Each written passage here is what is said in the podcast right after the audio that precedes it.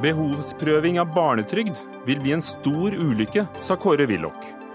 Og Høyre-landsmøtet hørte på partiveteranen og sa nei til å avvikle en av våre eldste trygdeytelser, og dermed også gratis barnehager. Ungdom lærer ikke om sex på skolen, men fra porno på nett, sier ungdommer selv. Motstanden mot EU øker i Norge og ellers i Europa. Høyre, unionens fremste forkjemper her til lands, må ta mer ansvar, hevder Europabevegelsen og møter Høyre til debatt. Og en norsk kvinne bor nå i Spjelkavik kirke for å hindre at barnevernet sender datteren ut av landet. Hvor går grensen for hvem som kan få kirkeasyl?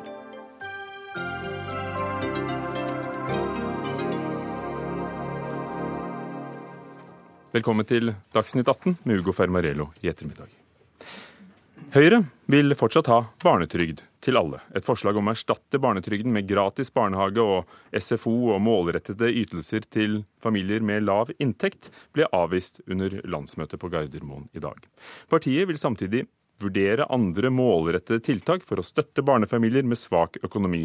Det heter det i det nye punktet i Høyres partiprogram. Kristin Vinje, stortingsrepresentant fra Høyre. Et mindretall som består av deg og flere andre i Høyre, ville fjerne barnetrygden og heller sørge for gratis barnehage og SFO på sikt, eh, og, og gi en behovsprøvd barnetrygd. Ble du overrasket over at det ble et stort nei til det?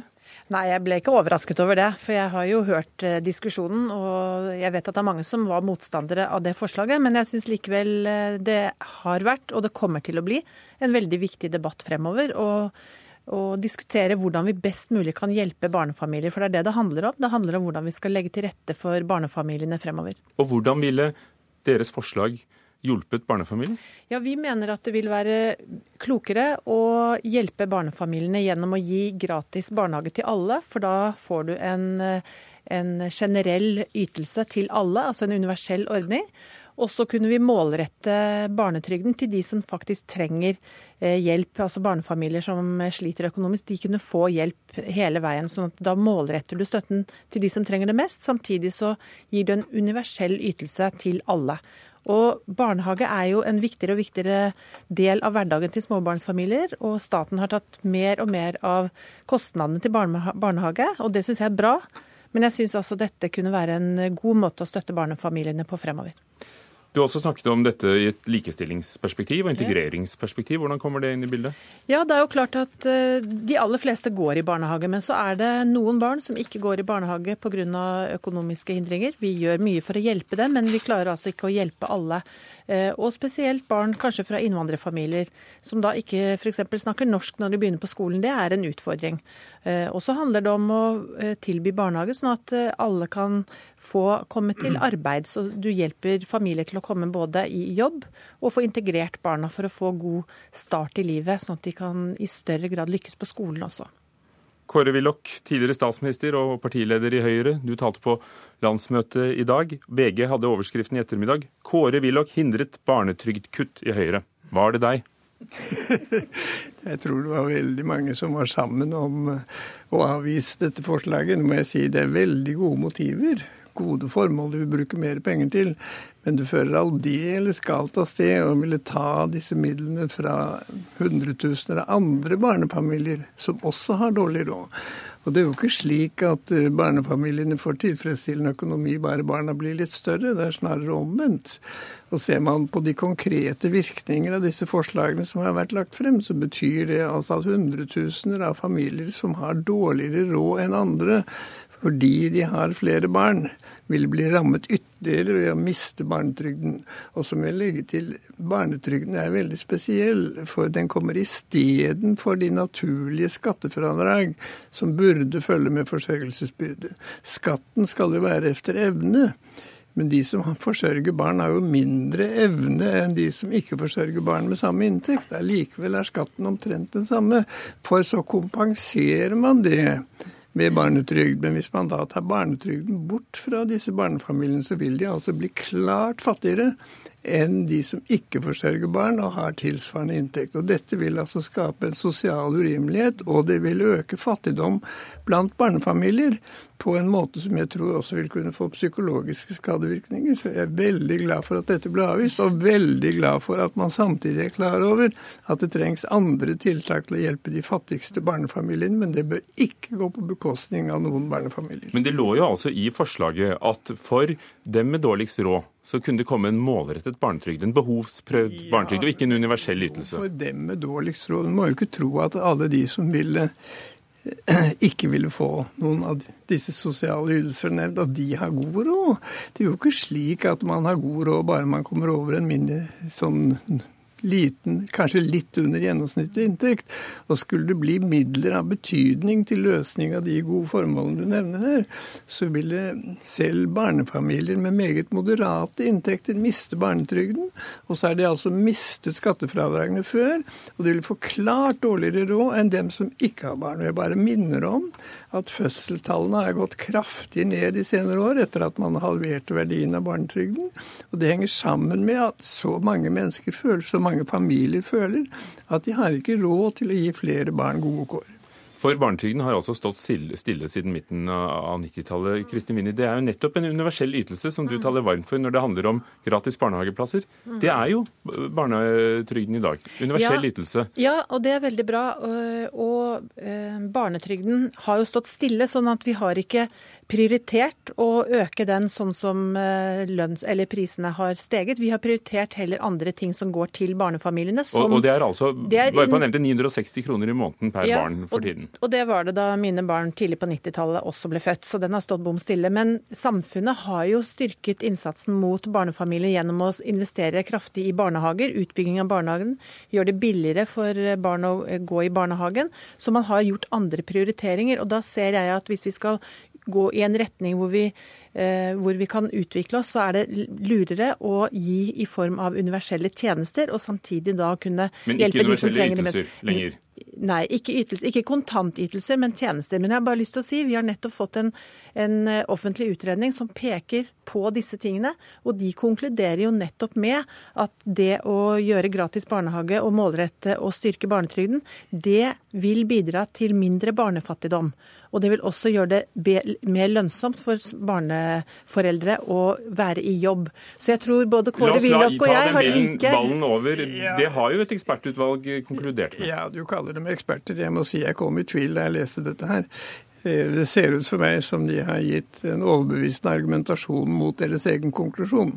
For de påviser jo at denne behovsprøvingen som de går inn for, vil føre til skadevirkninger for andre barnefamilier. Og du får et problem, nemlig dette at hvis en fattig familie da øker sin inntekt noenlunde, så vil de miste så meget trygd at det blir tvilsomt om det lønner seg for dem å arbeide mer. Men jeg må få legge til her, det er jo ikke slik at alle barnefamilier som har over det vi kaller fattigdomsgrensen, dermed har tilfredsstillende kår. Når de merker at eh, forsørgelsesbyrden fører til at disse barnefamiliene har klart dårligere råd enn andre med samme inntekt og rundt i samme miljø, så vil det skape en følelse av fattigdom som er ganske alvorlig for dem som skal oppdra flere barn. Og dessuten må jo ikke tro det at kostnader blir mindre når de får skolebarn. Vi har da helst selv hatt den store gleden å ha tre barn. Det er jo ikke slik at skolebarnfamiliene plutselig er kvitt utgiftene. De vokser jo. Så det underlige konsentrasjonen om de aller yngste Vel, det er veldig bra at det vil hjelpe de aller yngste, men det er helt feil å sende regningen til andre barnefamilier. Så kan du si de aller rikeste har råd til dette, ja, men det monner ingenting. Det er ikke verdt administrasjonskostnadene å prøve Og nettopp det, Willoch. Nå er det altså 960 kroner. Ja. Monner det i det hele tatt? I mellomtiden så har vi fått en voldsom barnehageutbygging ja, eh, med, og, og, en velstandsutvikling. Ja, men også barnehageutbyggingen hjelper ikke skolebarnfamiliene. Og hvis du føler at 960 kroner måneden ikke betyr noe for deg, så viser det at du er utenfor virkeligheten for svært mange medmennesker. 960 kroner måneden betyr ganske meget for ganske mange, skal jeg si det. Det betyr ganske meget for familier som føler at de har vanskeligheter med å gi barna de kårene de gjerne skulle gi. Nå for da... øvrig, jeg må si 960 kroner er altfor lite, men eh, det er mye bedre enn ingenting.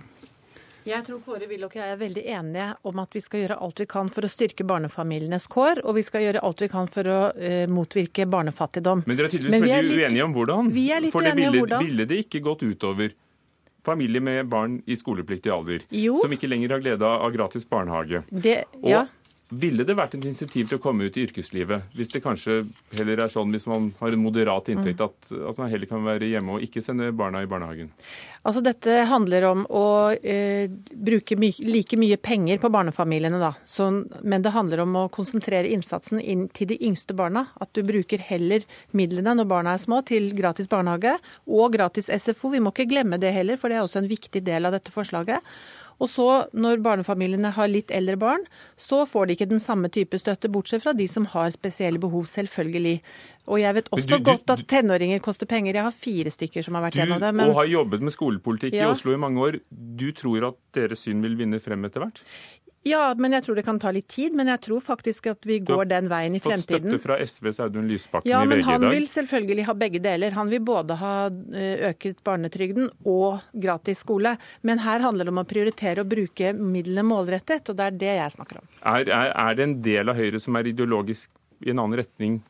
På vei i en annen retning? At det er en viss uenighet om praktiske spørsmål er veldig naturlig. Og så Men dette er jo store ideologiske ja, skillinger, universelle ytelser eller ikke? Så får man en god debatt som berger den universelle ytelsen og stanser denne ytterligere svekkelsen av en god del barnefamiliers økonomi. Så det er veldig bra. Men jeg vil gjerne legge til her at fordi man opptydelig skaper den misforståelse at barnetrygden er en slags almisse på toppen av andre rimelige ytelser, så ville det kanskje være en fordel om man gikk tilbake til å gi det som skattefradrag isteden. For alle skjønner vel at en familie med flere barn kan ikke betale samme skatt og samme inntekt som dem som ikke har noen barn. Men hvis man vil gå tilbake til fradrag i skatten, så må man betale kontant til dem som har så lav inntekt at de ikke får noe nytte av fradrag i skatten. Takk skal dere ha. Dette kan dere fortsette å diskutere på landsmøtet i helgen på Gardermoen. Kåre Willoch og Kristin Vinje fra Høyre. Ja, Magnus Takvam, politisk kommentator her, her i NRK. Hva, hva fikk du ut av dette? Nei, det er en eh, interessant debatt. Og eh, det ble Jeg tror nok eh, Kåre Willochs tale på landsmøtet ga ledelsen eh, drahjelp, så det holdt. og, og, nok overbeviste en god del i salen.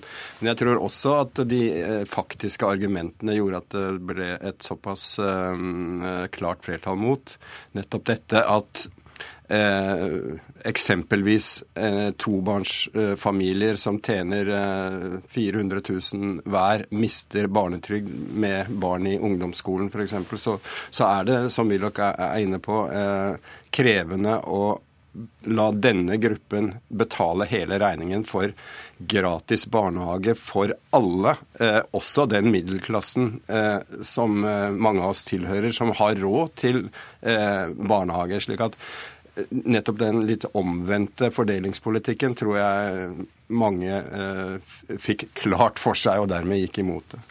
Men det var et mindretall som ble til en stor debatt og en, eh, en eh, skarp tale fra Willoch, som vi hørte her, og store overskrifter, og her sitter vi. Eh, er det et ideologisk Rører det på seg ideologisk? Ja, så både og. de, man vedtok like klart, eh, for å svare på det, å beholde kontantstøtten, som jo har en skal vi si, mer sånn type valgfrihetsideologisk eh, overbygning rundt seg.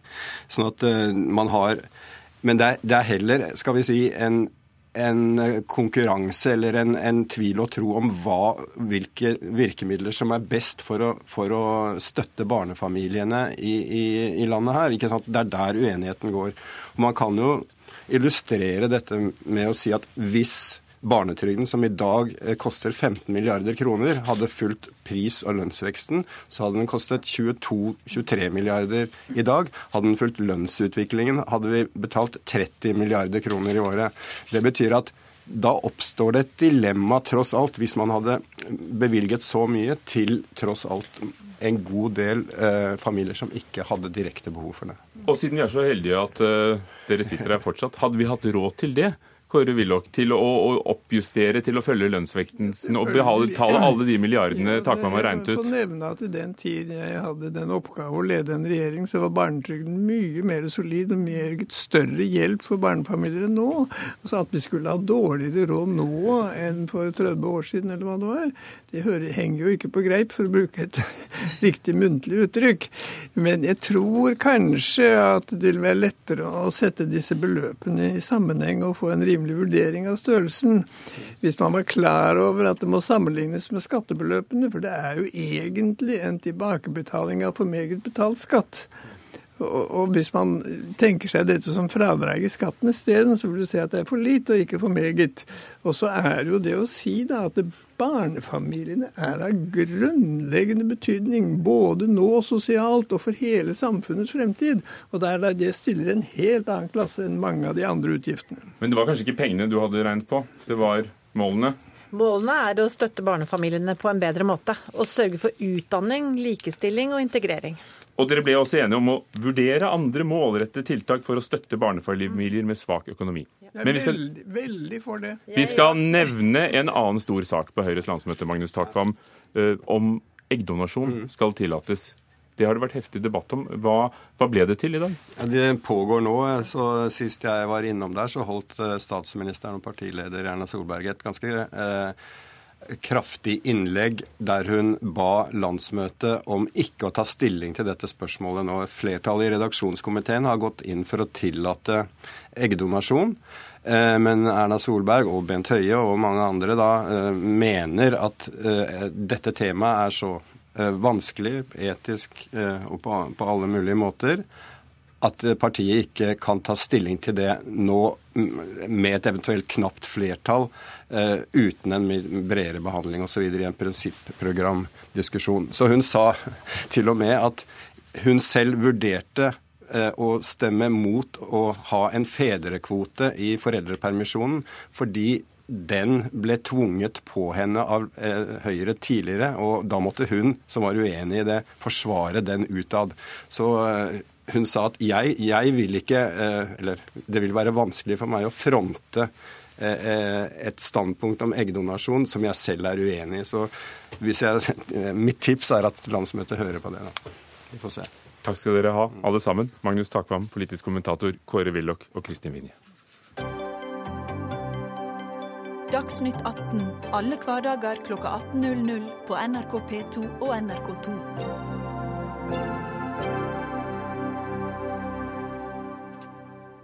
Og barn blir til ungdommer og begynner å lære seg bl.a. om sin egen kropp, og hvordan gjør de det. Mens skolen svikter, lærer unge gutter og jenter at kvinner er noen som bare vil ha menn, gjerne i baksetet eller over et skrivebord. Dette var det Ulrikke Falk, kjent fra TV-serien Skam, som skrev i Aftenposten tidligere denne uken. Hun gjentok budskapet i en appell under 8. mars-markeringen på Jungstorget i Oslo. I 2017 består seksualundervisningen av å forebygge kjønnssykdommer og graviditet. Vi reduserer sex til noe som har store konsekvenser. Alvorlige følger. Og hun viste altså til at ungdom lærer om sex fra porno på internett og ikke i seksualundervisningen på skolen. Karoline Steen Nylander, du leder Redd Barnas ungdomsorganisasjon Press. Kjenner du deg igjen i den beskrivelsen hun ga? Jeg kjenner meg delvis igjen i den beskrivelsen som, eh, som ble tatt opp i denne talen. Um, I hvilken del av den? Jeg, jeg, kjenner meg igjen i den manglende seksualundervisninga. Eh, det at man, man, ikke opplever å få tilstrekkelig informasjon om tanker, følelser rundt, rundt sex og rundt kropp. Um, og, og at det lett koker ned til kanskje en time eller to i løpet av et år. Hvordan svikter skolen? Hvordan, hvordan foregår de timene du beskriver? Altså, det store problemet her er jo at den foregår ekstremt variert. Det at det på én skole er en klein naturfagslærer, eh, mens det på en annen skole kan være kjempebra seksualundervisning. Og det er jo et problem at vi har eh, ungdom som i dag får veldig ulik informasjon, og da kanskje heller tyr til f.eks. som allerede syvåring, som det er referert til i det innlegget her, å gå eh, til internett og se på porno, eh, som jeg jo syns er bekymringsfullt. 34% av norske barn mellom 9 og 16 år har altså kommet over porno på nettet. Og hva forteller gutter og jenter til dere i press om uh, hvordan de bruker å se på porno? Nå er jo ikke porno nødvendigvis det vi jobber mest med, men jeg tror at omtrent alle unge i dag har vært borti enten porno eller eh, en ekstrem seksualisering på en eller annen måte. Og det handler ikke nødvendigvis bare om direkte porno, men det handler om måten man eh, ser reklame på. Man ser omtrent 4000-5000 reklamebudskap i løpet av en dag, som også har veldig seksualiserte budskap ofte. Um, og, og til sammen så lever man i, i en verden der um, seksualitet og identitet ikke nødvendigvis er eh, realistisk. Da. Det man ser rundt seg, er ikke nødvendigvis sånn som det foregår på ekte, men man får et slags eh, idealbilde av hvordan ting fungerer. Men er det skolen som skal gjøre opp for det? Er det skolen som må ta det ansvaret? Jeg mener at Skolen bør ta sitt ansvar når det kommer til å gi ungdom, eller både barn og ungdom verktøy til å kunne eh, se at det ikke bare er det man ser rundt seg som, som er sant, eller at det er en, en falsk virkelighet. Um, og, og, Der tenker jeg at skolen godt kan, kan, jobbe med å gi verktøy, men man må også se på eh, andre aktører sitt ansvar også. Så man kan ikke si Hva med foreldreaktørene?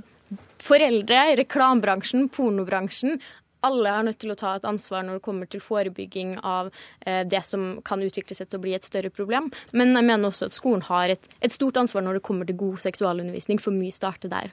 Og der kommer du inn i bildet. Dag Johannes Sunde, seniorrådgiver i Utdanningsdirektoratet. Hva sier læreplanene om seksualundervisning? Læreplanene jo, eh, har jo en bred dekning av tema seksualitet, helt fra første trinn og opp mot eh, tiende trinn. Eh, og så har det jo litt eh, ulik innretning. Det er jo ikke, altså, Seksualitet har jo ikke en egen læreplan, men er dekt i samfunnsfag, i naturfag og i KRLE med litt ulike, ulike vinkler. da. Eh, og allerede fra første trinnet så skal, de, skal, elevene lære om grensesetting og forståelse og respekt for egne og andres kropper. Første trinnet, hvor gamle er vi da? Da er vi seks-syv år? Ja, Seks-syv år, ja. Hvordan kan det ha seg at det blir så forskjellig fra skole til skole, fra lærer til lærer? Fordi i matematikk så ville du jo ikke godtatt det. Ja, altså eh, Læreplanen inneholder kompetansemål som sier noe om hva elevene skal kunne etter et eh, visst årstrinn. Men de sier jo ikke hvordan læreren skal jobbe med det, eller hvilke metoder de skal bruke. Og det skal vi kanskje være glad for, fordi Eh, I Norge så har vi slik at eh, det ligger et lokalt handlingsrom, at læreren skal bruke sin eh, profesjon og utvikle de, de metodene og de, det innholdet som, som, de mener passer best, og tilpasse det til sine elever. Maria Røsok, daglig leder i Sex og samfunn, som jobber nettopp med ungdom, seksualitet, helse, også mot skolene i, i Oslo. Hvordan opplever du at skolene klarer å snakke om seksualitet og kropp og grenser? Ja, Vi underviser jo alle tiendeklasser eh, i Oslo, eh, og vi ser at det er en enorm forskjell. Og det er det som er så synd. For vi kommer inn i noen klasser der, vi, der de har snakket mye om dette gjennom mange år. I noen klasser hvor de ikke kan noen verdens ting. Og det er den der forskjellen. Og du sier at det er, eh, det norsk skole er autonom, og det gjør jo at de kan gjøre det på den måten de vil. Vi har hatt en undersøkelse blant 1000 lærere i Norge. Der svarer syv av ti lærere at de ikke er fornøyd med sin egen seksualitetsundervisning. Det syns vi er ganske alvorlig. Når vi spør de da eh, hva er det dere ønsker dere, hvordan kunne dette vært gjort annerledes eller bedre, så svarer de det at de skulle gjerne hatt det i utdanningsforløpet sitt, skulle gjerne lært mer om det på, i utdannelsen. 13 eh, svarte vel at de hadde lært noe eller nok eh, til å kunne være komfortable med å holde en seksualitetsundervisning, og det er jo altfor altfor lite. Men Karoline Steen Nylander, hva, hva, blir problemet når, det er, når ståa er som den er? Problemet er jo at man da heller tyr til alternative virkeligheter. Altså at man er nødt til å ty til f.eks. pornoindustrien og pornobransjen og støtte opp under den um, som, som 7, 8, 9 tiåring, eh, i stedet for å, for å kunne reflektere rundt følelser, rundt tanker, rundt grensesetting, rundt en del ting som er viktige når man skal snakke om seksualitet. Da. At man ikke bare eh, ser på hvordan ting teknisk fungerer, som man ofte også gjør i seksualundervisninga i dag, men også snakke om de tingene rundt som er kanskje noe av det viktigste i seksualundervisning. Hvordan påvirker porno gutter og jenters eh, seksualliv og holdninger? Har, har det en effekt? Det finnes jo altfor lite forskning eller tall eller materiale på dette, så vi vet jo ikke noe sikkert. Men, men, opplevelsen vår gjennom å snakke med 25 000 ungdommer i året, er jo det at det gir et dårlig selvbilde. Eh, de, de klarer ikke å skille mellom eh, fantasi og virkelighet. Det å Intimkirurgi, f.eks., som har vært en debatt den siste tiden, er jo et godt eksempel på, på, akkurat dette. Man kan få et dårligere forhold til sin egen kropp, hvordan den ser ut. Det Fordi gutter tror at, at menn skal ha penis som kneippbrød, og at kvinner skal se helt perfekt ut? For eksempel. Eh, kjønnsleppene på kvinner i pornofilmer ser nødvendigvis ikke sånn ut sånn som de ser ut på, på folk flest. Um, og det gjør jo at de ønsker å gjøre noe med kroppen sin, så det blir jo et feil, feil bilde og urealistiske forventninger til man, hvordan man skal oppføre seg selv, og hvordan andre partner skal oppføre seg i en seksuell situasjon. Blir det for avhengig av hver lærer? Selv om uh, autonomi er grunnregelen og at lærerne kan bruke ressursene, så sier jo da lærerne at vi har ikke de ressursene, vi har ikke lært hvordan vi skal gjøre dette ordentlig. Mm. Ja, altså, Det er godt mulig. altså Det er helt riktig med den autonomien. Men jeg må jo si det at det er jo viktig for alle skoler og lærere å snakke sammen. Bygge relasjon til elevene. Lærere må lære av lærere. Og eh, man utvikle undervisningsoppleggene sine eh, i takt gjerne med, med, elevenes behov. De må snakke med hva ønsker elevene å lære. Og de må, de må gjerne bruke eh, kilder utenfor skolen for å få, eh, få hjelp til nye metodikker, eh, f.eks. For, for å utvikle undervisningsoppleggene bedre. Men er dette politisk styrt, eller er det faglig styrt? For vi har jo hatt regjeringer av, av alle farger de siste ti årene. Ja, eh, som sagt, læreplanverket legger rammene for hva elevene skal sitte igjen med av kunnskap og kompetanse. Men det er likevel slik at vi at, uh, i alle fag og i alle temaer at læreren og lærerne har profesjon, og de skal kunne legge mening og konkretisere de ulike målene med innhold. Og Derfor er det viktig at de snakker med elevene. Hva, kan, hva er det meningen at vi skal lære? Hvordan lærer dere best? Og hvilke problemstillinger ønsker dere å ta opp? Og Her bør man også samarbeide med skolehelsetjenesten, men også så er jeg enig med at eh, foreldre har et ansvar å snakke med elevene om seksualitet tidlig. Maria Røsak, burde ikke forvente at foreldrene tok en del av dette ansvaret? At vi kan ikke forvente at, eh, at skolen skal Altså Det er vanskelig for foreldre å snakke om det, om det ikke skal være det for lærere? Eller kanskje ja, eh, Det er jo ikke enten-eller her, det er jo både og. Eh, og det er jo alle som jobber med barn. Det er jo barnehagepersonale, eh, alle som har med barn å gjøre. Leger, sykepleiere, helsepersonell, lærere, foreldre. Alle burde ta et ansvar her. Men spoler vi noen tiår tilbake i tid, så, så kunne barn til nød se Trond-Viggos TV-serie Kroppen eller Hjemme unna et aktuelt rapport under madrassen. I dag så er det en flom av de, de, mest obskøne bilder overalt i internettets vidunderlige verden er ikke barn så medievante at de skjønner at akkurat som TV-serier er det ikke virkelighet? Det er ikke sånn det foregår. Dessverre så tror jeg ikke de gjør det. Og en annen ting som skjer i denne medieverdenen, er jo også dette med deling av bilder. De å bruke seg selv som et seksuelt objekt og dele bilder, og vite hva som er lov og ikke lov, og dele av egne ting, andres ting. Her er det eh, masse å lære som også burde vært inne i seksualitetsundervisningen, og som lærere burde dele informasjon om. Ja, jeg, jeg, tenker at altså, Kritisk tenking er jo en av de viktigste tingene skolen skal stå ansvarlig for når det kommer til eh, undervisning av unge barn og eldre barn. Og det gjør da skolen når det gjelder mediebruk. Så Absolutt. tror du ikke at mange jo... klarer å skille mellom for, forventninger i livet og i, på TV-serien? Jeg tror et aspekt som man svikter på i skolen, er akkurat det her med kritisk tenking. Man har ikke nok tverrfaglig seksualundervisning der man tar opp kritisk blikk på f.eks. pornografi eller andre ting, og heller ikke kanskje mindre kritisk blikk på ting som man blir fortalt fra andre steder enn internett. Um, og så tenker Jeg at, at jeg synes vi er vel inn på noe interessant hvis vi begynner å snakke litt mer om en revolusjonerende skolehelsetjeneste. Uh, at vi ikke snakker nødvendigvis om helsesøster, sånn som vi er vant til, men at vi snakker om uh, at skolehelsetjenesten bør være noe mer enn bare noen som kan plastre et sår, men også noen som har fagkompetanse på de her feltene. Kunne det vært på tide å tenke nytt i undervisningsplanene? Det er godt mulig. Altså, nå skal vi jo i gang med en, eh, en revisjon av alle læreplanene. Og eh, et av de tverrfa, et tverrfaglig tema som skal inn, er jo nettopp eh, helse og livsmestring. Og seksualitet er jo en naturlig ting inn der. Kritisk tenkning er viktig, som også skal inn. Og, men jeg må også si det at i, i mål som vi har i dag, det går på å analysere kjønnsroller og skildringer av seksualitet, slik at vi har mye av det inne i læreplanen allerede. Takk skal dere ha for at dere kom, alle sammen. Dag Johanne Sunde, seniorrådgiver i Utdanningsdirektoratet, Karoline Steen Nylander, leder av organisasjonen Press, og Maria Røsok fra Sex og Samfunn.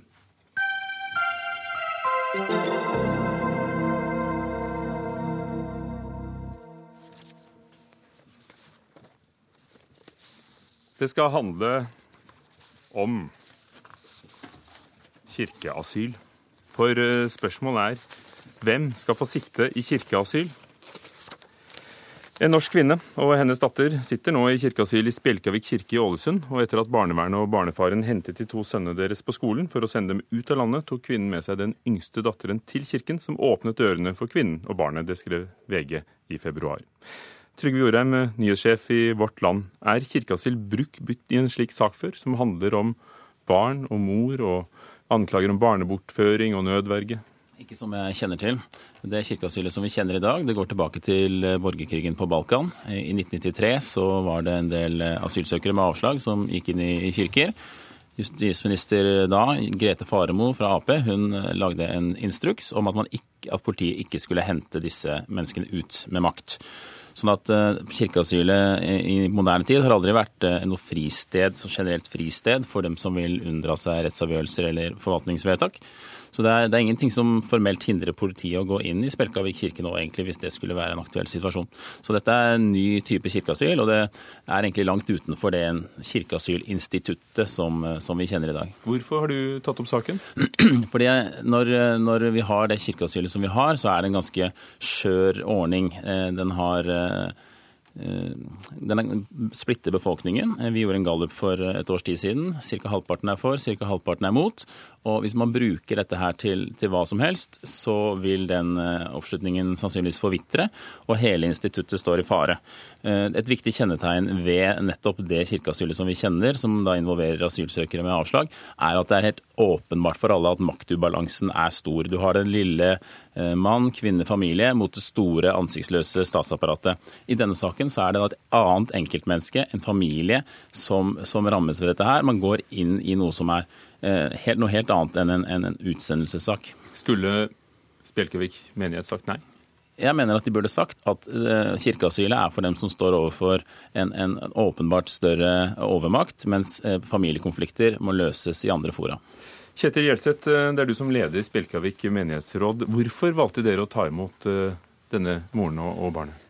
Nei, Det var så enkelt som at vi eh, en mandagskveld for nesten fire uker siden eh, plutselig sto i en situasjon der det var en mor som var kommet til oss og ba om eh, hjelp. Vi skjønte at hun var kommet i en veldig vanskelig situasjon. Hun sto i fare for å miste også det tredje barnet sitt til far, og som da ville ta med seg dattera her utenlands. Eh, det var rett og slett en sånn humanitær eh, handling fra vår side at eh, du skal få være hos oss, og så får vi se om vi ikke kan få roe ned den situasjonen og komme til en eller annen ordning etter hvert. Nå har jo flere rettsinstanser kommet til en ordning. Betyr ikke dette at dere tar stilling i en sak? For, for det er altså sånn at det er kommet en rettskjennelse på at barna skal til faren, og at, at det landet hvor dette paret bodde, skal avgjøre saken. Så setter ikke dere det til doms over rettsstaten? Nei, eh, vi gjør ikke det. Eh, og vi har sagt det at far kan få komme, han også. Altså, Vi behandler begge to litt, og hvis far kommer, så kan vi kanskje få til en liten dialog og se hvor vi kan komme inn med det. Men vi, eh, vi, tar, vi gjør dette her ganske enkelt, egentlig. Det kommer et menneske til oss som har bruk for beskyttelse. Vi ser at det mennesket har det veldig vondt. Vi tar imot henne. Hvor går den grensen for når noen er i nød og trenger beskyttelse, og andre prøver å unndra seg ja, Jeg vet ikke hvor den grensen går. Har vi, vi, har ikke hatt noen sånn veldig prinsipiell eh, oppgang på det. Jeg mener at eh, kirka er åpen for alle. Og når folk kommer til kirka i nød, så må kirka eh, ta imot. Trygve Orheim, hvordan skiller dette seg fra, fra utvisningssaker, hvor det også finnes da en mm. rettskraftige kjennelser på at ja. noen skal utvises. Det er klart at kirkeasyl er omstridt. Eh, det, det, splitter befolkningen, og det er jo et anstøt i det at man unndrar seg en, en rettskjennelse eller en, et forvaltningsvedtak. Eh, og Derfor skal man bruke det forsiktig. Hovedpoenget mitt er at her går man inn med å ta parti i en sak som står mellom to presumptivt likeverdige parter. Mens i disse utvisningssakene, eller utlendingssakene, så handler det om, som jeg sa i sted, den lille mann, den lille kvinne, familie, som står imot et helt åpenbart mye sterkere eh, apparat. Og da er det lettere å akseptere at man eh, setter seg over loven, da, på en måte. Er det nytt?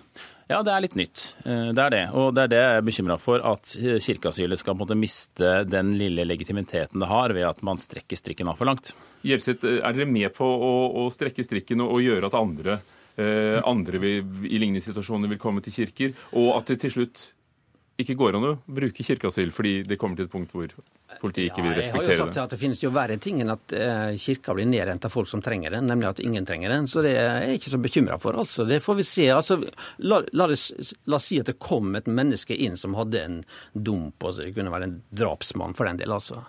Så tror jeg faktisk ville slippe vedkommende inn. Men vi ville jo begynne å jobbe med den saken og få vedkommende til inn innså at en faktisk måtte møte apparatet sånn som det var. Gjør dere det nå? Vi eh, har litt, eh, jobber litt med den saken, ja. På forskjellige måter. F.eks. med å eh, som biskopen i Møre sa, vi må prøve å få mor her til å fatte ny tillit til behandlingsapparatet. Og det er en, så, en sånn sak som vi har jobba litt med. Sol Elden, du er advokat for faren her i Norge. Og fra farens side så handler denne saken om barnebortføring. Moren hevder hun handlet i nødverge og mener heller faren kunne komme til Norge. Men uten å gå inn i alle disse detaljene. Hører du ikke at, eh, at Spjelkavik menighet jo, jo, faktisk egentlig kanskje jobber på, på deres side? Nei, de gjør ikke det. Eh, og de jobber ikke på barna sin side i disse barnebortføringssakene. Eh, her har man folkerettslige forpliktelser, og som enkeltpersoner så har man forpliktelser i forhold til å forholde seg til rettskraftige avgjørelser fra domstolen. Dersom Kirken åpner opp og tar del og tar stilling, slik som jeg opplever at de gjør i saken her, Eh, så sender det eh, noen grusomme signaler i forhold til andre barn og andre familier som er utsatt for disse barnebortføringssakene. For hvem går dette utover, mener du? Dette går utover barna. Dette går utover den lille jenta som sitter inne i kirkeasyl. Eh, dette går utover de to litt eldre brødrene hennes som sitter i Spania. Eh, her har Norge forpliktet seg i forhold til Haag-konvensjonen, eh, som gjelder eh, barnebortføring over landegrensene. Og norsk rett, helt opp til Høyesterett, har tatt stilling til hvilket land som har jurisdiksjon i denne saken, og kommet til at det er Spania. Vidar Helgheim, du er bistandsadvokat for moren, som altså sitter i kirkeasyl og bor nå i Spjelkevik kirke. Setter dere over Haag-konvensjonen og, og, rettens kjennelser? Nei. Jeg må si at jeg er veldig uenig i mye av de synspunktene som har kommet uh, i dette hittil. fordi at uh, dette handler om Kirkens humanitære Jeg står på Vigra flyplass, jeg må flytte meg her. Altså, dette handler om om Kirkens måte å møte personer i dyp, dyp, livskrise. Og er det noen som er flinke til å håndtere det på et prinsipielt grunnlag, eh, innenfor både lov og rett og, og, og, det som måtte være, så er det Kirken. Og det er jo Kirken som må svare på disse spørsmålene eh, selv. Men jeg vil bare si det at det, det er ikke slik at denne saken er rettslig eh, avgjort og ferdig. Eh, det som har gjort at denne kvinnen og barna har gått i kirkeasyl, er at de er i en dyp fortvilelse. De er i en dyp livskrise. Eh, som jeg syns er fullt ut forståelig. Eh, og de setter seg ikke over noe annet enn å få en trygghet i den situasjonen, slik at de kan ha forståelse for at at, at, deres interesse blir ivaretatt på humanitært grunnlag på et vanlig opplegg. At, og Jeg kan ikke gå nærmere inn på saken, men faktum i denne saken er noe litt, litt, annerledes nok enn det som er presentert i dette. Men jeg skal ikke gå inn på det. Men, men jeg syns at Kirken, og jeg vil berømme Spjelkavik kirke eh, og menigheten der, og, og, og, de som har tatt del i det, og på et prinsipielt grunnlag ivareta trygghet, omsorg, kjærlighet for folk som er i en dyp krise. For det kan vi alle komme i. Vi, og da skal heller ikke vi gå inn i eh, de detaljene. Men Sol Elden, som altså er farens advokat, eh, skal kirkeasyl aldri brukes, mener du? Eller er det i denne saken det ikke skal være rom for folk når de føler seg urettferdig behandlet eh, og, og søker tilflukt? Jeg syns man skal spare kirkeasylet eh, og det instituttet for de sakene som det er ment for, eh, og som det skal verne om. Eh, jeg tenker at det blir helt feil, og det blir helt feil signaler å sende dersom enhver som er uenig med domstolens avgjørelser eller lover og bestemmelser, skal kunne ta tilflukt i kirken. Det vil helt komplett uthule kirkeasylets verdi. Og Helgeim, hva, hva vil det løse? For en varig ordning kan det jo ikke være? Eh, nei, altså dette, dette, dette, er jo Kirken først og fremst den rette til å svare på på prinsipielt grunnlag. Men, men nei, nei, for deg som advokat, for her er det jo altså Norge er forpliktet til Haag-konvensjonen, og, og, slike saker ja. finnes det jo mange av? Ja, jeg vet ikke om det er så veldig mange av akkurat denne saken. Jeg håper ikke det. Eh, og jeg tror ikke det får noen ringvirkninger heller. sånn at eh, de fortegnene som er preget av, av, av minus her, de syns ikke jeg noe særlig om. Jeg syns at det er viktig at Kirken, hvis jeg skal si noe om det, Eh, jeg er ikke den rette personen til å svare på Kirkens vegne, selvfølgelig ikke. Men jeg syns det er hyggelig å se at det finnes instanser i et samfunn som kan ivareta trygghet og omsorg for personer okay. som er i en dyp livskrise. Sånn at, ja. sånn at La oss høre med Kirken. Jeg avbryter deg, for vår tid er knapp. Jeg vil høre med, med Kjetil Gjelseth, leder i Spelkevik menighetsråd. Er det en varig ordning? Hva, hva, vil du løse? Nei, nei, nei, det kan ikke være noen varig ordning. Men hvor langvarig den blir, det vet jeg ikke. Altså, jeg tror mor går ut av kirka så snart hun er trygg på at dattera ikke blir tatt for, fra henne sånn umiddelbart. Det sier noe om Kirkens enestående kulturelle posisjon også i Norge? Det gjør det, men som sagt så gjelder den politiinstruksen som på en måte iverksetter kirkeasyl i Norge, har ikke noe med dette her å gjøre. Den gjelder kun asylsaker, sånn at politiet kan godt eh, gå inn der og gjøre det de får beskjed om. Men politiet har altså sagt at de ikke kommer til å gjøre det. Takk skal mm. dere ha alle sammen. Trygve Jorheim, nyhetssjef i Vårt Land, Kjetil Gjelseth, leder av Spjelkavik menighetsråd, og advokatene Sol Elden og Vidar Helgheim. Hør Dagsnytt 18 når du vil. Radio NRK Radio.nrk.no.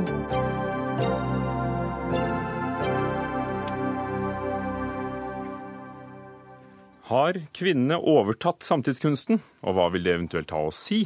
På nettopp kvinnedagen 8. mars skrev den kjente kunstsosiologen Dag Solhjell i Aftenposten at det er etablert full feministisk styring av den statlige forvaltningen av samtidskunst. Fra statsråd til den siste kurator er snart alle som styrer Nasjonalmuseets forhold eh, til samtidskunst, faktisk kvinner. Og Dag Solhjell, kunstsosiolog og, forfatter av flere bøker om eh, kultur og makt. Kan du beskrive situasjonen? Jeg har rett og slett bare sett på ansattelisten i Nasjonalmuseet. Det er gjort flere ganger før også. Og jeg finner da til min overraskelse at i Museet for samtidskunst, altså en avdeling for samtidskunst, av de 17 ansatte der, som er ansvaret for samlingene og utstillingene, er det i dag ingen menn. Det er ingen menn. Og så har de da fått en kvinnelig direktør på Nasjonalmuseet. En som kvin på, kvinnelig styreleder. Kommer 1. juni? Ja. Og en nettopp eh, tiltrådt uh, kvinnelig styreleder og en kvinnelig statsråd, kulturminister. Og da, da, tenkte jeg at jeg ville pakke inn denne, denne for mange svært overraskende opplysningen om at uh, det ikke er den eneste mann som jobber i avdelingen for samtidskunst i, i Nasjonalmuseet, og koble det til et, et maktperspektiv. Men derfra til feministisk kommandokjede, du? Ja. Det, uh, det, er alle kvinner feminister? Det er så det ord man bruker for å komme i Dagsnytt 18. Da, da ja. Mener du det ikke? Uh, altså, dette har ikke noe med egentlig ikke noe med kvinnesak å gjøre, eller kvinner å gjøre. Det har å gjøre med en, en ensidig kjønnssammensetning på en viktig arbeidsplass i norsk kun, kunstliv. Og hva fører det til? Er ikke, er ikke riktig. Hva fører det til? Det fører til at eh, en rekke uh, aktuelle mannlige kandidater kanskje vil unnlate å søke, fordi at de vil ikke jobbe i en rent kvinne... Et kvinne Har det noe å si for kunsten som blir representert, vist frem, kjøpt inn? Det bør det, fordi eh, vi har jo hørt i mange år fra kvinner at de har et eget kunstsyn, og at kvinner blir diskriminert av menn fordi at eh, det er forskjell på kvinners og menns kunstsyn. Og Da må vi nå tro, skal man tro denne logikken her, at nå er det da et mer innskrenket kunstsyn som hersker i Museet for samtidskunst. Eh, like innskrenket som om det bare har vært menn der. For å, å, rydde det av veien, vi, vi, spurte øverst i kommandokjeden om uh, kulturministeren kunne stille. Det, det, kunne hun ikke. Og heller ikke den påtroppende direktøren som vil vente med alt som har med Nasjonalmuseet å gjøre, før hun begynner. Men Tone Hansen, du er direktør på Henny Onsdag Kunstsenter. Uh, leder av Kulturrådet. Er du da ledd i den feministiske kommandokjeden? Først og må jeg bare si at Dette er jo en helt herlig debatt å ta på en fredag. Jeg syns det er helt kostelig å skulle sitte her og diskutere en feministisk kommandolinje, bare for at det er tilfeldigheter som har gjort at eh, på en arbeidsplass finnes det nesten bare kvinner. For Hvis du ser på norsk, hvis du ser på, på hovedstadsmiljøet og ser på hvem som får stille ut, eh, og som får de store eh, utstillingene i Oslo, så er det jo stort sett menn. Kvinner kommer inn fremdeles kun i gruppeutstillinger og er underrepresentert i samlinger så det holder. Enten det er private institusjoner eller det er offentlige. Sånn at uh, men, men, er det vi kan godt snakke om en kommandokjede. Er det tilfeldigheter, eller er det en, en villet politikk? Toril Vidvei var vel ganske tydelig på da hun var kulturminister at her, her måtte vi skape mer balanse. Vi skal selvfølgelig ha balanse i Norge. I utnevnelser og ansettelser. Ja, noen ganger svinger det én vei, andre ganger svinger det andre veien. Og det vi har alle til felles, alle vi som svinger rundt og tar lederjobber i norsk kulturliv, er at vi kommer fra den samme klassen. Vi er vi er, har samme utdanning og samme bakgrunn og ligner stort sett på hverandre, bortsett fra kanskje dette med kjønn.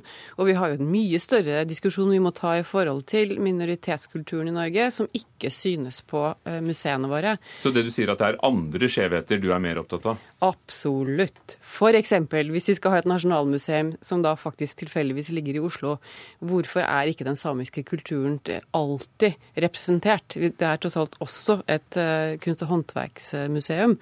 Eh, det er mange kulturer i Norge, også fra urbefolkningen, som, eh, som, bør ha sin rettmessige, naturlige plass, som vi like gjerne kan diskutere.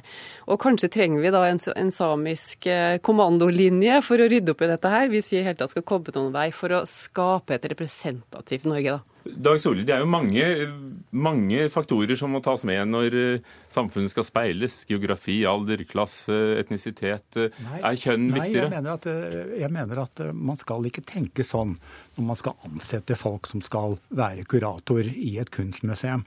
Det man, skal tenke, man skal ha en personalpolitikk som sørger for at det er et bredest mulig spekter av synspunkter representert i den Særlig den avdelingen som har med samtidskunsten å gjøre. Fordi at den griper inn i kunstlivet på en sånn avgjørende må måte. Slik at eh, Men Tone Hansen, hvis det bare det, hadde vært menn i den avdelingen som styrer samtidskunst, tror du ikke det ville blitt noen eh, oppslag om det? Altså, jeg tror at Dag eh, må ta seg en litt større runde og sammenligne flere institusjoner opp mot Nasjonalmuseet, og se hva som skjer når bare menn styrer også i dag. Fordi det er helt åpenbart at det er en, en en kjønnsbalanse spesielt når det gjelder å få utstillingsplass, som ikke er helt heldig. Eh, vi på Henjosa kunstsenter vi har ikke noe problem med det, og det er jo fordi det er så mange bra både kvinner og menn å stille ut at, eh, at kjønnsbalanse er nesten ikke noe diskusjon. Det er mer diskusjon om, om hvilke historier som bør bli fortalt, og hvilke narrativer vi vil skape for det norske samfunnet, enn en akkurat dette med kjønn. da. så, så du kunne godt ansatt bare menn eller bare kvinner hos deg, hvis det var de best skikkede fagpersonene? Vi har mange perspektiver med når vi skal ansette folk. Har de den kompetansen vi skal ha? Kan de fotografi f.eks., eller kan de modernismen? Eh, like mye det som hvilket kjønn de har. Ellers hadde vi havna i et, laget et veldig rart museum. Men jeg tenker at det er med feminisme også, vi må jo snakke litt litt om det. fordi at Feministisk kommandolinje høres jo litt sånn eh, revolusjonært ut. Og det var jo faktisk og er feminismen også. Og hvis man hører på Wenche Mylheisen, så sa hun veldig tydelig det at Feminismen er en kjærlighetsrevolusjon. Den har frigjort både kvinner og menn. Og det er menn har tjent like mye på den kjærlighetsrevolusjonen som kvinner har. Og det betyr at vi har et annet samfunn som tillater helt andre verdier på tvers av kjønn. Og vi har fått et samfunn hvor det er plass til å være annerledes. Du kan være queer, du kan definere deg selv som et tredje kjønn. Du trenger ikke å definere deg ut ifra kjønn i det hele tatt. Og det er jo det samfunnet vi vil ha. Dag Solhjell, bort fra å definere seg som kjønn. Og da er det kanskje ikke problem om det bare er menn eller bare kvinner et sted? Om det i noen perioder blir sånn? For det har jo vært en mannsbastion lenge, også museene. Ja, altså, dette handler også mye om makt, ikke sant. Og når du har et maktapparat fra topp til bunn som uh, er dominert av ett eneste kjønn, så vil det uvegerlig holde en rekke kvalifiserte menn unna. Men dette er Mis, en, en avdeling du ser på? Hver eneste av de kvinnene som har de stillingene i Nasjonalmuseet, de har fått det fordi de er de beste sø søkerne. Så du er ikke imot ansettelsen nei, av nye direktøren Kari Nesbo, f.eks.? Nei, nei. Det, men spørsmålet mitt hvorfor holder menn seg unna? Det er ja, ene spørsmålet. du har skrevet mange bøker du, om, om ja. makt og kunst. Hvorfor gjør og, de det da? Og, hvorfor, og hvorfor øh, Eh, hvorfor søker de ikke disse stillingene? Og hvorfor kommer de ikke i kvalifiserende posisjoner der de kan bli ansett og konkurrere og vinne over sine kvinnelige konkurrenter? Har du et kort svar på det? Nei, Jeg tror menn søker og kvinner søker, og noen ganger blir det litt overvekt av det ene og noen ganger av det andre. Jeg håper, som jeg sa innledningsvis, at vi får se et mye bredere spekter av kunnskap, bakgrunn, erfaring og etnisitet i museene. Takk skal dere ha, begge to. Dag Solhjell, kunstsosiolog, og Tone Hansen, leder av Kulturrådet og direktør på Henny Jonstad kunstsenter.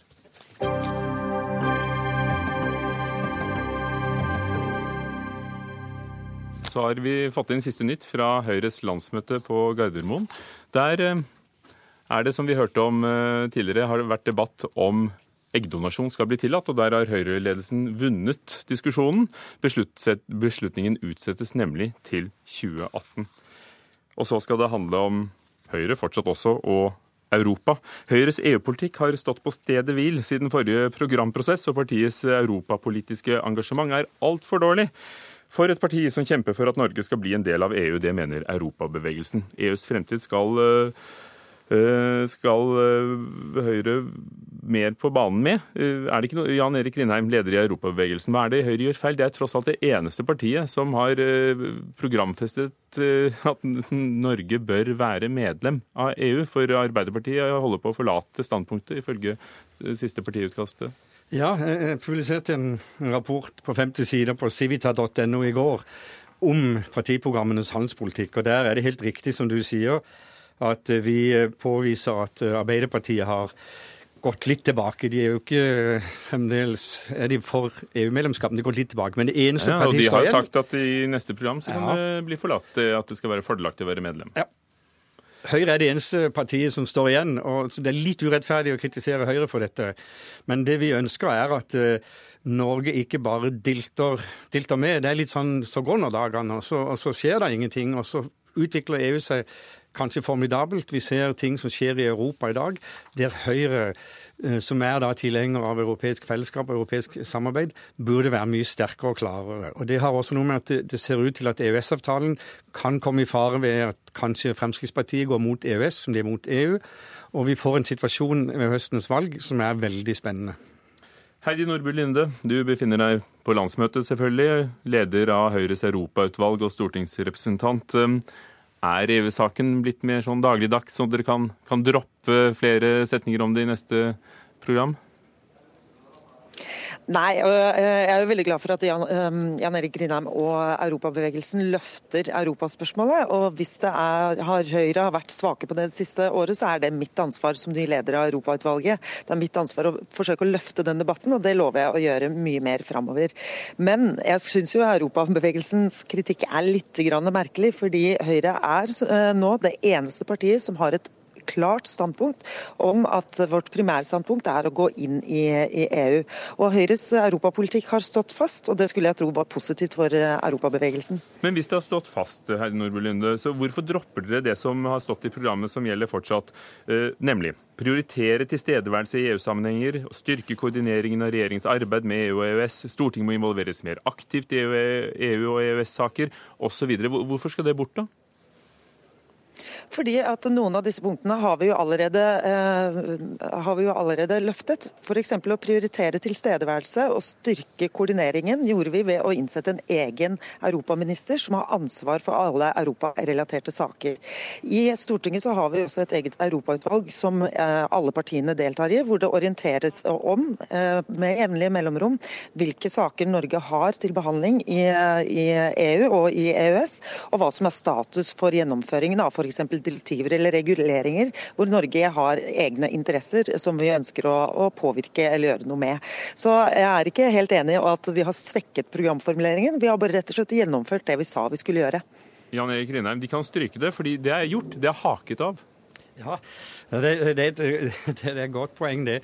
Eh, men, og jeg er veldig glad for den europaministerstillingen som de opprettet. Det er veldig riktig, og veldig riktig at de ser det som en innenrikspolitisk sak. Jeg er også veldig glad for det europautvalget som er i Stortinget. Men vi må ikke glemme at det her handler også om velgere. Og det er hva slags eh, forhold eh, Høyre har i europaspørsmål til velgerne, som jeg syns de kunne være mer aktive på. Jeg skjønner at ikke Nordby Lunde vil ha noe folkeavstemning om EU-medlemskap i høst, men det er noe med at skal vi bare la det gå, og skal verden rundt oss bare endres, eller skal vi prøve å modne dette spørsmålet en gang til? Er du redd for å skremme velgerne, nå som det ser ut til at eh, mange har lyst til å stemme på Senterpartiet, som er mot både EU og EØS, f.eks., Nordby Lunde? Overhodet ikke. Jeg tror faktisk både EU og EØS-debatten fortjener å bli løftet mer opp i, i, norsk politikk, og at begge sakene ville stått seg på det. Og Nå er det snart 25 år eh, siden vi, vi gikk, inngikk EØS-avtalen. og I forbindelse med det så burde vi ta en grundig og bred debatt om hva denne avtalen har gjort for Norge, norsk økonomi. Ikke minst det samarbeidet vi har med EU på veldig mange områder, slik at eh, nettopp velgerne ser hvilke verdier vi har og hvilke verdifellesskap vi har med eh, Europa. For Det tror jeg faktisk kunne beveget flere velgere også i retningen av et, eh, å gå inn for det europeiske fellesskap. Og Det ser vi også i EØS-spørsmålet. Der er det jo et flertall i befolkningen som støtter EØS-avtalen. Og jeg tror at den har vært så god at den har ført til at vi i dag faktisk står utenfor EU, fordi at den har vært god nok for Norge. Grindheim, er det de bekymringen din for eh, hva EU skal bli til, eh, og hvor vi skal være. For EU-kommisjonens president Jean-Claude Juncker har jo sagt, som vi var innom i Dagsnytt 18 på den tiden i går, at, at, det blir kanskje flere hastigheter. Og, og, hvilken fil vil du at vi skal ligge i? Altså, det er helt riktig det du spør om der. Det, er det som bekymrer meg. Altså, det er snakk om en A, B og C mulig EU. Jeg har ikke lyst til å være på B-laget, jeg vil være på A-laget. Og jeg vil at Heidi Nordby Lunde skal sitte sammen med sine kolleger i, i Brussel, som da representant for norske velgere, og være med å forme Norges fremtid, Europas fremtid. Du vil at vi skal være medlem av EU? Det er ikke noe Definitivt, det er det. Men jeg tenker, altså, i, i, dag så ser vi jo en sånn nasjonal nostalgi gå over Europa. Vi ser det også i, i Norge, og det kommer til å bli en valgkamp i høst som jeg tror er veldig sterkt preget av nasjonal og nasjonal proteksjonisme og slike ting som da selvråderett osv. Og, eh, og, og det er veldig lett å selge. Det er også lett å selge ja, alt skal bli bedre i fremtiden. Men det vi sitter her og forsvarer, er liksom EØS-avtalen, som, som jo bare går og går, og så skjer ting rundt oss. Og det er det jeg skulle ønske at Høyre kunne Jeg er veldig glad for at Høyre fremdeles holder sitt standpunkt. men kunne de også bli litt mer sånn fremtidsrettet? De har jo sagt nå på landsmøtet at de vil gjerne forandre fremtiden. Hvorfor ikke trekke inn EU i den nye strategien de har for å skape nytt næringsliv, bedre vekst og utvikling osv. Er det, er det sånn Lunde, at dere i Europautvalget ikke ikke har fått så mye plass som dere gjerne skulle ha i partiprogrammet? At sånn ble det? Nei, eh, det er vel heller motsatt. Nesten alle saker som vi behandler har jo også et europeisk tilsnitt. Enten vi snakker om klima, så er jo en av de viktigste avtalene for Norge ikke det som skjedde i Paris, men nettopp at vi nå er en del av EUs klimakvotesystem. Det gjør at EU også kan sette i gang sanksjoner dersom vi ikke oppfyller våre klimamål. Og Det syns jeg har vært en viktig seier for klimasaken i løpet av det siste året. Vi har berørt gjennom arbeidsliv. Da, eh, etter finanskrisen så var det 260 000 EØS-borgere som hadde muligheten å jobbe i Norge, tjene penger og forsørge for sin familie, istedenfor å gå arbeidsledig i, i uh, Europa. Det berører migrasjon, det berører handel, og det betyr, berører ikke minst muligheten for å skape og trygge norske arbeidsplasser, i og med at EU er vårt viktigste marked uh, og eksportmarked. Så, blir du påvirket av, blir du påvirket av Senterpartiets eh, nei-stemmer, eller for den saks skyld eh, Marine Le Pens skepsis i Frankrike eller britene? Ja, jeg syns det var synd at eh, Storbritannia valgte å gå den veien de gjorde. Fordi Storbritannia har vært en, eh, en, god kollega eh, inn i EU, som har delt veldig mange av de norske interessene. Og EU, er, som alle andre demokratiske systemer, er jo heller ikke ferdig laget. Junkers plan, som egentlig er beskrivelse av fem mulige scenarioer, er jo et bevis på det. Men internt i EU så har det hele tiden vært en debatt hvorvidt man skal gå videre ut i bredden eller gå i dybden. Noen noen ønsker en ren føderal stat. Det er ikke jeg så veldig for. Så jeg ønsker å utvide EU eh, e i bredden og styrke det handelssamarbeidet først og fremst. Så dette her er en del av en levende debatt hvor Norge absolutt har en rolle, hvor Høyre har en rolle, og jeg har en rolle som leder av Høyres Er det blitt vanskeligere i det klimaet som er? Det har blitt mer krevende når vi ser de strømningene som nå, eh, som nå går gjennom både i Europa og som vi også ser i, eh, i, USA.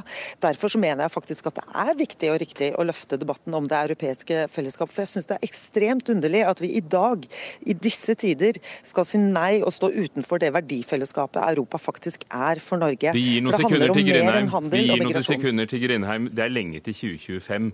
Skjønner du at eh, ja, det er på dagsordenen, men det er kanskje ikke alltid Ikke så langt i politikken. Eh, og jeg syns det er veldig gode, gode, takter vi hører her. Veldig gode takter. Og jeg tror Høyre kommer til å, å tjene på å være klar og tydelig på at det er viktig for Norges fremtid, det er viktig for norske arbeidsplasser. Takk skal dere ha, Jan Erik Rindheim, leder av Europabevegelsen her i Norge, og Heidi Nordby Lunde fra Høyre, leder av Europautvalget der. Det var eh, Dagsnytt 18, som i dag var ved ansvarlig mm, Ida Tune Ørisland, teknisk ansvarlig Ida Laral Brenna, og Ugo Fermariello var programleder. God helg. Hør flere podkaster på nrk.no podkast.